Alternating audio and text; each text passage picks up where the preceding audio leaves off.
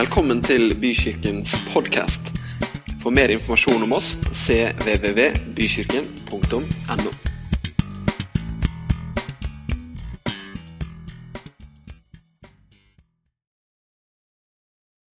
Og levekårene, kanskje først og fremst. Undertrykkelse, diskriminering.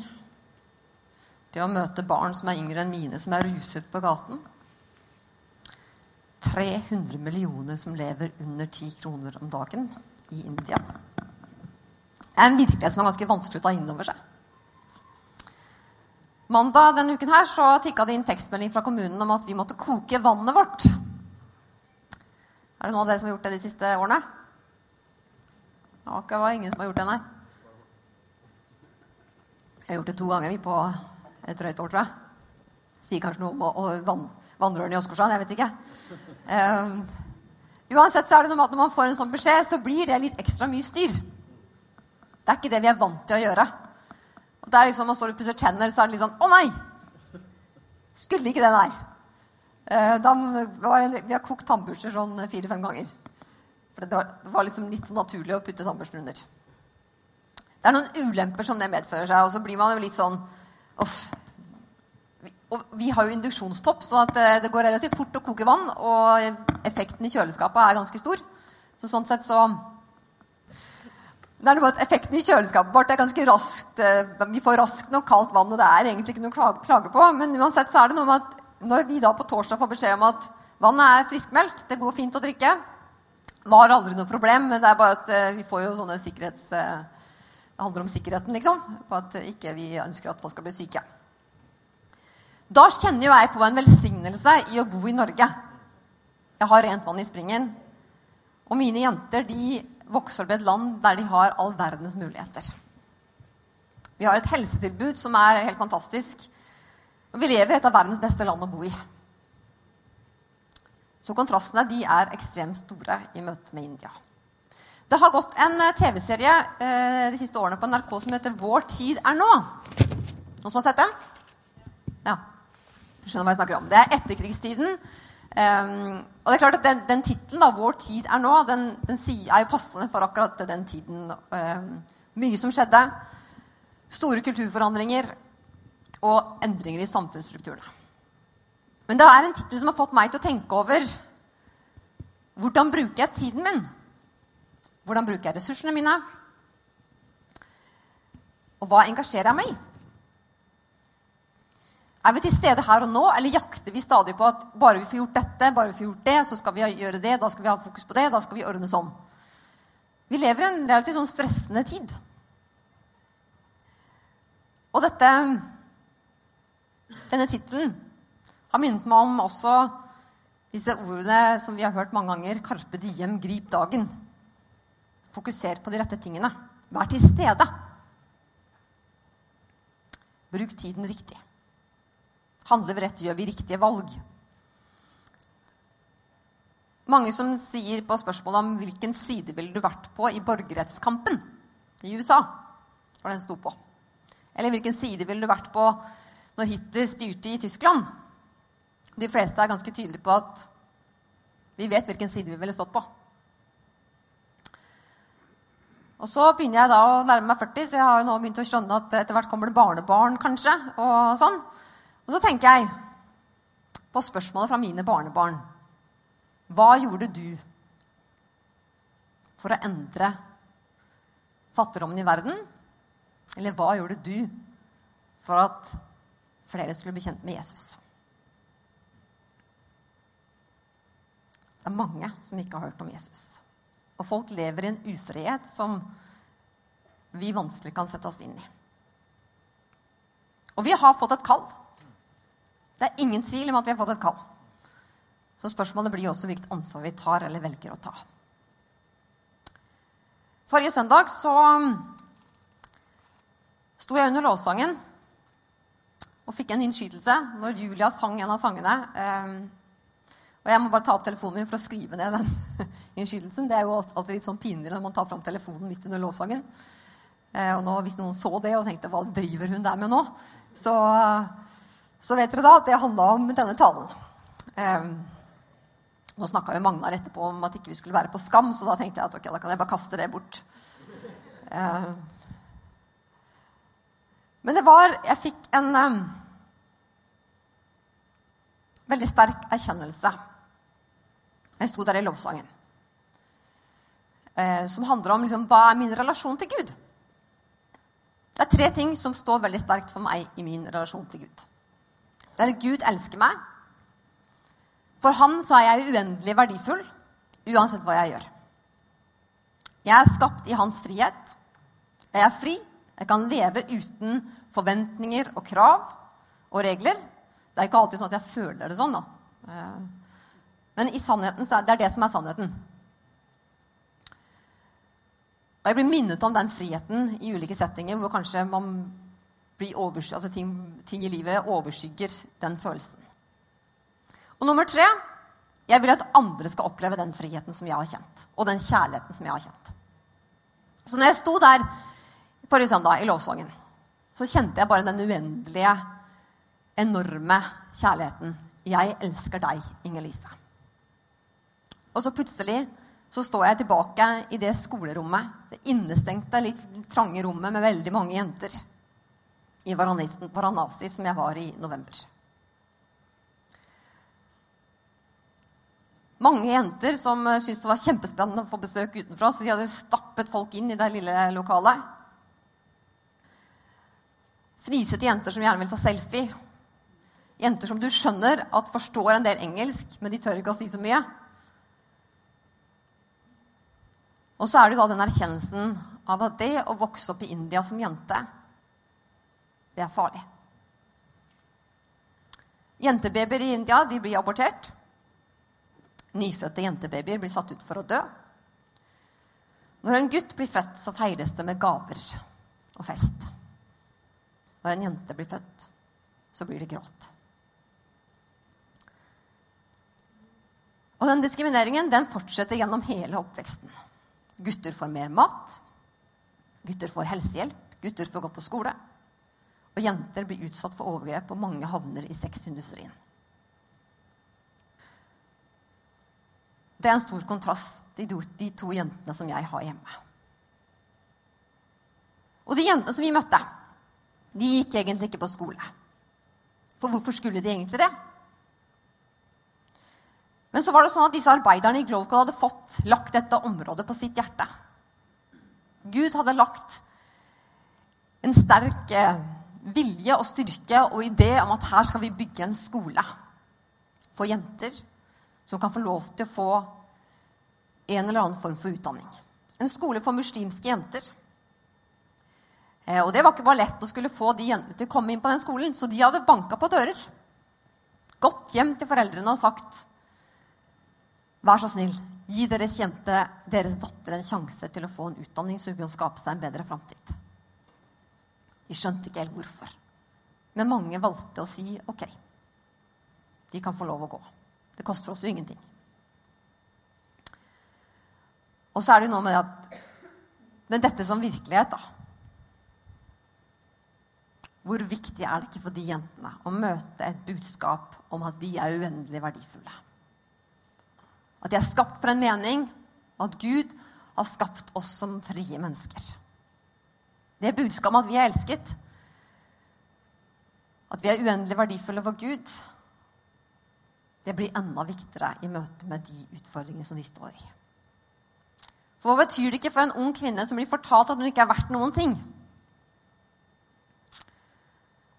Annet enn at ok, du kan kanskje bli gifta bort, og så kan du få et barn, og da forhåpentligvis en gutt. Så er, da kan du få ære tilbake til familien din. Og ikke være skapt på en mening. Selv om det kassesystemet som har vært i India, eh, ble avskaffet allerede på slutten av 50-tallet, er det vel, så eksisterer det jo fortsatt i praksis. Er du født som lavkaste, eller så må du leve som lavkaste resten av livet. Du kan ikke forvente at du kan snakke med hvem som helst, ikke bli invitert til hvem som helst, ikke få lov til å utdanne deg til det du drømmer om. Men du har noen fastlåste rammer du må forholde deg til.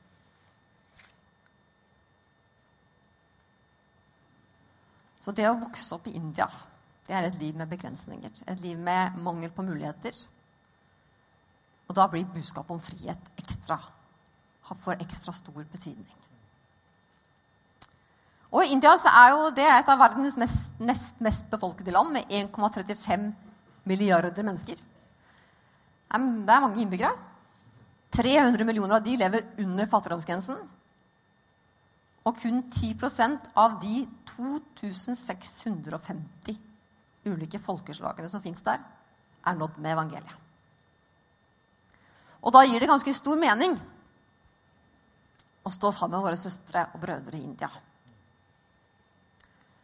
Og Global, som vi, eh, vi, støtter og jobber sammen med, eh, de jobber først og fremst nord i India, i en delstat som heter Uttar Pradesh.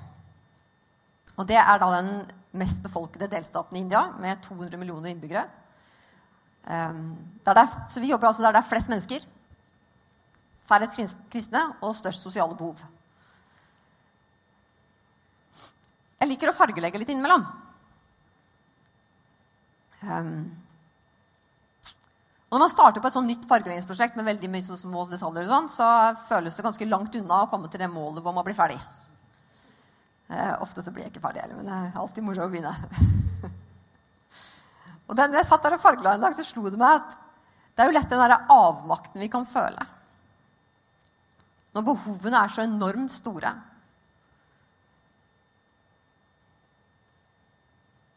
Når det er så mange mennesker som er unådd. Hva kan vi gjøre med det? Om lag 80% av befolkningen i den delstaten som jeg snakket om, det, de er hinduer, og under 1 er kristne. Og klimaet, altså den, det, de, det, miljøet som de, de, bor i og vokser opp i, det er veldig krevende å være kristen i. Um, de blir forfulgt i stor grad. Og det er, eh, det er vanskelig. Og um, Derfor så jobber jo Glocal nettopp med å kunne jobbe på forskjellige områder. Både gi spre evangeliet, bygge menigheter, danne husfellesskap, snakke med nye mennesker, plante menigheter, og samtidig drive med samfunnsendrende tiltak som skole, utdanning og helsehjelp.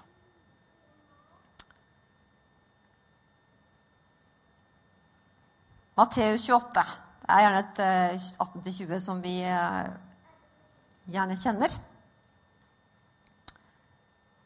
Jeg leser det likevel. Da trådte Jesus fram og talte til dem. Jeg har fått all makt i himmelen og på jorden. Gå derfor og gjør alle folkeslag til disipler. Døp dem til Faderens og Sønnens og Den hellige ånds navn, og lær dem å holde alt jeg har befalt dere. Og ikke minst se, jeg er med dere alle dager inntil verdens ende. Vi er kalt til å utgjøre en forskjell her vi bor, men også til jordens ender. Um, og kanskje det misjonsengasjementet som, som, handler om utenfor våre grenser, det er ikke et engasjement som har vært stigende de siste årene. Sånn har det kanskje tvert imot. For selv om avstandene mellom oss blir mindre, vi får inntrykk inn gjennom nyhetssendinger og sosiale medier og aviser og vi er relativt tett på det som skjer. Og kanskje er det nettopp det at selv om avstandene blir mindre, så blir kontrastene så, så, store at det er vanskelig å ta ting inn for seg. Um, og det er vanskelig å, å, kjenne på Hva kan vel jeg gjøre? Jeg har tenkt litt på hvordan Jesu disipler sto igjen når Jesus hadde dratt opp til himmelen. Når han siste han sier, er 'gå ut og fortell om meg'. Jeg er med dere. Jeg tipper at de følte seg ganske velsignet for at de hadde fått lov til å bli kjent med han. Tenk den tiden de hadde gått sammen. Sluppet sitt vanlige arbeid som de hadde planlagt å skulle gjøre resten av livet, og plutselig bare Nei, nå skal jeg følge Jesus. Fått lov til å dele tid, spise mat og gå sammen. Fulgt etter Jesus og hatt den der nære relasjonen. Så på den ene siden så var det kanskje ikke så vanskelig å ta misjonsbefalingen på alvor når de sto igjen der. Eh, for det var jo noe med at vi har blitt kjent med en så fantastisk person. Guds sønn. Vi må jo dele denne relasjonen med noen andre. Samtidig som jeg tror nok også de kjente på en del fortvilelse. Både før pinsedagen og sikkert også etterpå. Hva er det som skjedde nå? Hva er det vi skal gjøre? Hvordan kan vi gjøre det? Hva, hvor lang tid tar det før Jesus kommer tilbake? Er det 30 dager, eller er det noen år, eller Men så gir han oss et veldig sterkt løfte. Han gir oss en stor utfordring. Vi skal gå ut og gjøre alle folkeslag til hans disipler. Men han gir oss også et sterkt løfte. I Apostlenes gjerninger 1,8 så, så står det men dere skal få kraft når Den hellige ånd kommer over dere, og dere skal være mine vitner i Jerusalem og hele Judea, i Samaria og helt til jordens ender. Og disiplene de gikk ut, de tok utfordringen, de tok befalingen. Og vi kan være misjonærer der vi er. Der vi bor. Akkurat som våre indiske brødre og søstre er det i India. Det er mange valg til hvordan er, vi kan engasjere oss i misjon hvordan vi kan velge å være misjonær. Men når Jesus sier 'gå ut, elsk din neste som deg selv', jeg er med deg, så, så er det samtidig en veldig tydelig beskjed.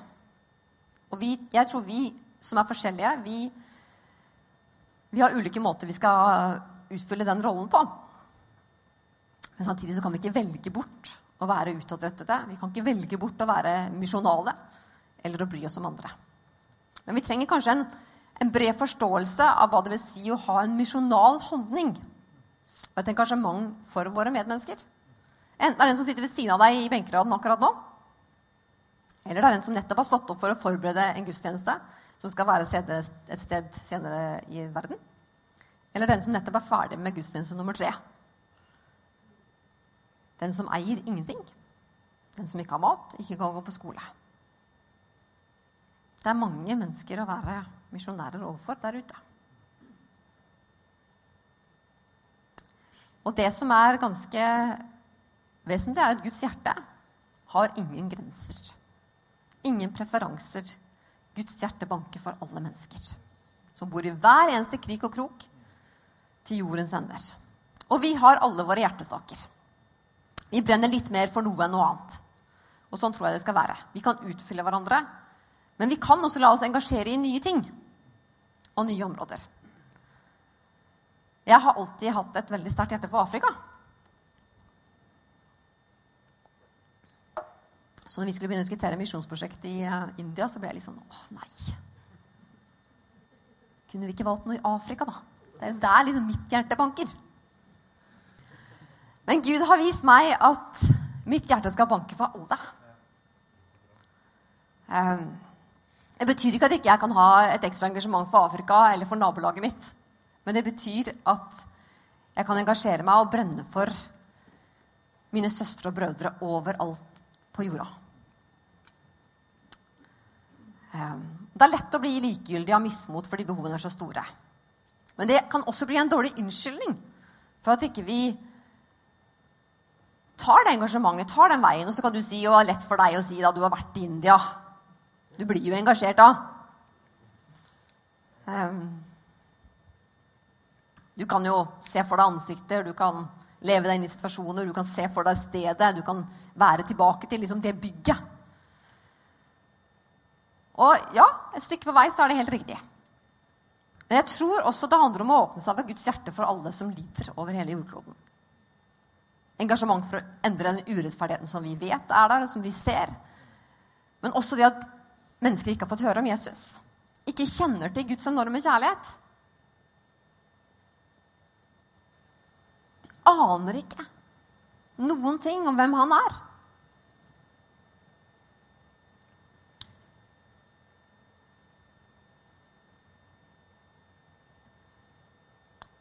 Men det er vanskelig å se den lidelsen i øynene når vi ikke kan få gjort så mye med den kanskje sånn her og nå, her vi bor.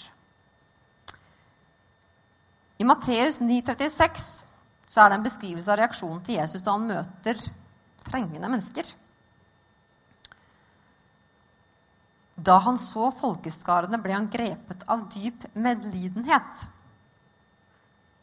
med dem, for de var utslitte, motløse, spredd omkring som sauer uten hyrde. Og så leste jeg det der begrepet med dyp medlidenhet. I en opprinnelig oversettelse så er det et ord som sier om at han fikk en dyp bevegelse i sitt indre. Det var noe som rørte seg på innsiden.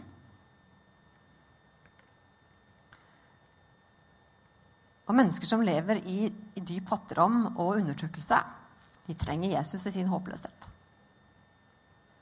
Alle trenger vi et glimt av himmel på jord. I alle de tingene vi står i i våre liv. Men jeg tenker at det glimtet blir veldig mye sterkere når du ikke har noen ting. Når du ikke blir sett på som noen ting. Og når du kanskje anses for å være søppel.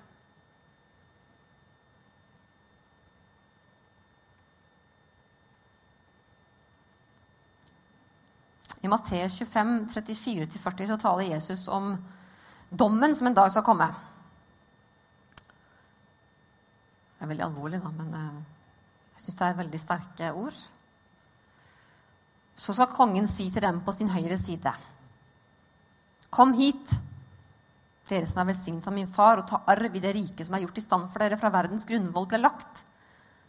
For jeg var sulten, og dere ga meg mat. Jeg var tørst, og dere ga meg drikke. Jeg var fremmed, og dere tok imot meg. Jeg var naken, og dere kledde meg. Jeg var syk, og dere så til meg. Jeg var i fengsel, og dere besøkte meg. Da skal de rettferdige svare, Herre, når så vi deg sulten og ga deg mat, eller tørst og ga deg drikke? Når så vi deg fremmed og tok imot deg, eller naken og kledde deg? Når så vi deg syk eller i fengsel og kom til deg? Og kongen skal svare dem, sannelig, jeg sier dere, det dere gjorde mot en av disse mine minste søsken, har dere gjort mot meg. Klarer vi å se Jesus i våre medmennesker? Klarer vi å kjenne Guds hjerteslag for hvert enkelt menneske i vår verden? For noen år siden så var det en kjent um, fiolinist. Jeg tror han spilte i Filharmonien i New York. Som kledde seg stusslig og stilte seg opp på en T-banestasjon i New York og spilte. Og for han som var vant til å stå på en scene hvor alltid bare folk var helt sånn fascinert og Da sto han selvfølgelig i fine klær. Men han opplevde å bli fullstendig oversett der på T-banen. Selv om han spilte nok trolig ganske fint. Og så er det kanskje noen av dere som har sett en liten filmsnutt om en jente som går um, Samme jenta blir kledd opp på to forskjellige måter. Hun går først rundt i en pen kåpe og alpelue. Står litt sånn forvirra på et uh, torg hvor masse mennesker går forbi. på en type jernbanestasjon eller sånn. Og veldig mange kommer bort og spør kan jeg hjelpe deg. Hvor er mammaen og pappaen din? Vet du hvor de er? Skal jeg... Hun går samme jenta, blir kledd i møkkete tøy, fillete tøy, møkkete i ansiktet. Og går forbi en kafé og spør etter mat. Hun blir bokstavelig talt bare dytta vekk. Um, Jesus er den lille jenta. Jesus er, spiller den fiolinen. Men så er det også sånn da, at smerten kan bli ganske stor. Når vi skal ta inn over oss verdens store urettferdighet. Jeg har lest en historie om noen studenter som begynte å klippe ut bibelversene som handlet om fattigdom, rettferdighet og rikdom i Bibelen. Noen som har en formening om hvordan den Bibelen så ut etterpå, da? Ganske hullete.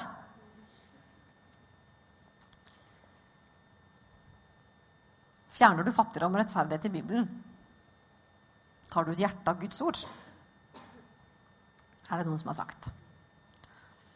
Guds hjerte banker for fattige, forfulgte, for de undertrykte. For de som ingenting er verdt i menneskelige øyne.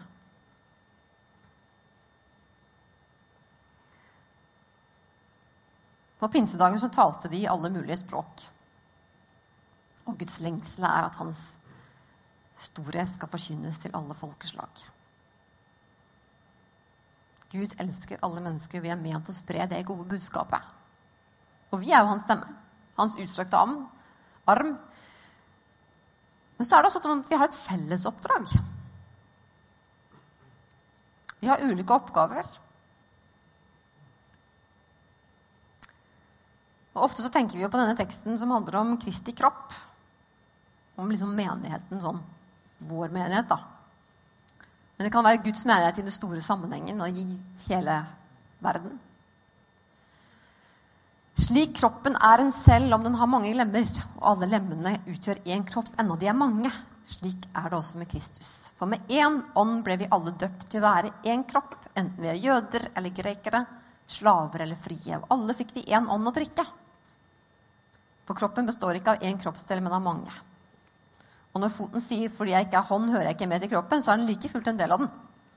Og om øret sier 'fordi jeg ikke er et øye, hører jeg ikke med til kroppen', så er det like fullt en del av den. Hvis hele kroppen var øye, hvor ble det da av hørsel? Hvis det hele var hørsel, hvor ble det da av luktesansen? Men nå har Gud gitt hver enkelt lem sin plass på kroppen slik han ville det. Hvis det hele var én kroppsdel, hvor ble, hvor ble det da av kroppen? Men nå er det mange kroppsdeler, men bare én kropp. Øyet kan ikke si til hånden 'jeg trenger deg ikke'.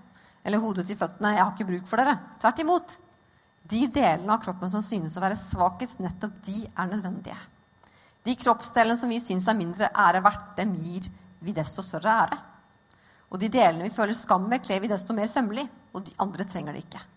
Men nå har Gud satt sammen kroppen, slik at det som mangler ære, får mye ære. For at det ikke skal bli splittet i kroppen, men alle lemmene har samme omsorg for hverandre. For om ett lem lider, lider alle de andre med. Og om ett lem blir hedret, gleder alle de andre seg. Vi kan være en del av grunnen til at nye misjonærer blir sendt i India. At nye menighetsplantere blir sendt ut på landsbygden i øst i India. Og sammen med dem kan vi være med å forandre. Ingen kan gjøre alt, men alle kan gjøre noe. Det er bedre å være to enn én. Hvis den ene faller, vil den andre reise opp sin venn. Og Vi har alle kalt til å være en del av Guds hellige samfunn. Og da tenker jeg Guds hellige samfunn i denne verden. Han kalte oss ikke til å være isolert, men plasserte deg og meg i Kristi legeme ved siden av alle andre som til enhver tid tror på Jesus i denne verden. Så det handler egentlig ikke om at du må reise til India eller ut av Pradesh eller Thailand eller Niger. Kanskje handler det mer om at vi kan erkjenne at vi er ulike deler på Kristi kropp. Og vi kan sørge for at føttene kan gå dit de trenger å gå, uten at vi er på samme sted.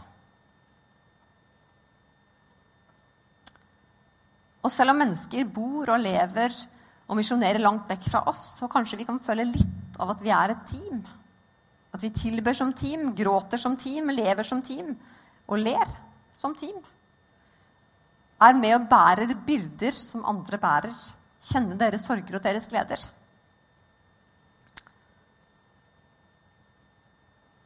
Som om vi var der. Som om vi sto midt iblant dem. I Bibelen min så har jeg um, navnene på de kvinnene som hadde gått på bibelskole et år, og som ble uteksaminert og sendt ut som misjonærer da Bentove og jeg var i India. Og de navnene Det handler selvfølgelig om de. De spesifikke kvinnene som har blitt lagt ekstra på mitt hjerte. Men det minner meg om at jeg har søstre og brødre over hele jordkloden som trenger at jeg står ved deres side at jeg ber for dem, og at jeg kan bidra med mine ressurser til at de kan ha mulighet til å gå. Da vi var på reise i India, eh, så hadde vi vært ute på en liten um, turisttur ved Gangeselven. Så når vi kommer inn, så blir vi stående bakerst i lokalet under lovsangen. Um, og da jeg sto der, så kjente jeg på en utrolig Et sterkt alvor, egentlig over det som de hadde sagt ja og satt seg villig til å, til å gjøre. Um, begrepet, begrepet, overgivelse fikk en helt ny dimensjon for meg. Det offeret, den viljen og den styrken som de bar på, og bærer på akkurat nå De levde virkelig troen på at Gud bærer oss, på at Gud aldri svikter oss. Og det kan også være en ganske sterk inspirasjon.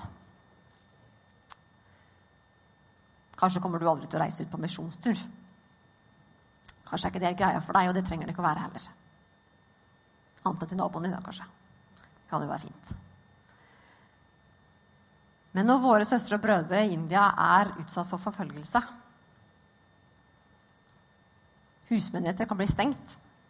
Nå skal det være sagt at våre, De vi samarbeider med, de har ikke opplevd disse tingene tett på kroppen selv. Men det er mange i det området de jobber, som har opplevd det. Så de har til nå vært veldig velsigna med at de har fått lov til å åpne husmenigheter uten at de har blitt eh, tysta på.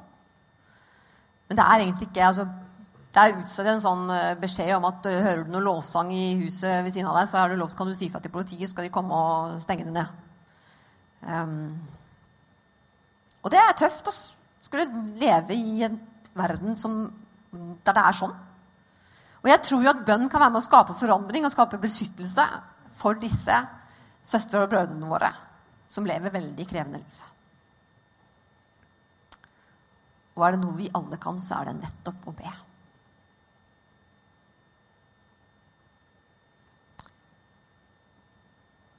Jeg var eh, oppe hos Tentro på fredag og snakket om misjon. Og da tok jeg fram to ting som jeg mener at er liksom veldig tydelig på det kallet vi har. Det er misjonsbefalingen, selvfølgelig. Og så er det også nestekjærlighetsbudet. Du skal elske Herren din Gud av hele ditt hjerte og hele din sjel og all din forstand. Dette er det største og første budet, men det andre er like stort. Du skal elske de neste som deg selv. På disse to budene hviler hele loven og profetene. Vi er kalt til å elske vår nabo. Og vi er kalt til å gjenreise selvrespekten i våre medmennesker. Fordi Gud vil at vi alle skal se våre medmennesker gjennom hans øyne. Uansett hvor vi bor, uansett hvor vi vokser opp, uansett hvilken historie vi bærer på så er vi kalt til å bringe nytt håp inn i menneskers liv. Vi er kalt til å bry oss. Vi er kalt til å være Guds kanal for hans kjærlighet over hele verden. Den har ingen grenser. Mor Teresa, hun sa When a poor person dies of hunger, it has not happened because God did not care of him or her. It has happened because neither you nor I wanted to give that person what he or she needed. Og Winston Churchill har sagt We make a living by what we get. We make a life by, by what we give. Vi er kalt til å sette mennesker fri, og de trenger evangeliet om Jesus. Og de trenger mulighet til å skape seg en bedre framtid. Vi skal snart eh, se en liten filmsnutt. Og så skal vi få lov til å, å gi en gave til Global. Og det er eh, mye spennende som har skjedd gjennom dette prosjektet. I høst så opplevde vi å kunne bikke nummeret 10 000 mennesker hadde blitt kjent med Jesus. Og det tallet bare vokser. Stadig flere menigheter blir planta. Og um, I prosjektet så drømmer, drømmer, vi om å kunne få spre det evangeliet enda videre. Men også få være med og kanskje starte et arbeid blant eh, kvinner som har blitt offer for slavehandel i Nord-India. Jeg tenker at vi, eh, vi er privilegerte. Og vi eh, kan få lov til å være med og investere inn i andre folks framtid.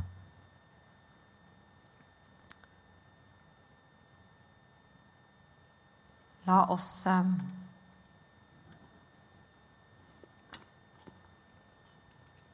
gi med et glad hjerte og gi oss med en overbevisning om at vi kan være med å skape en forandring for andre.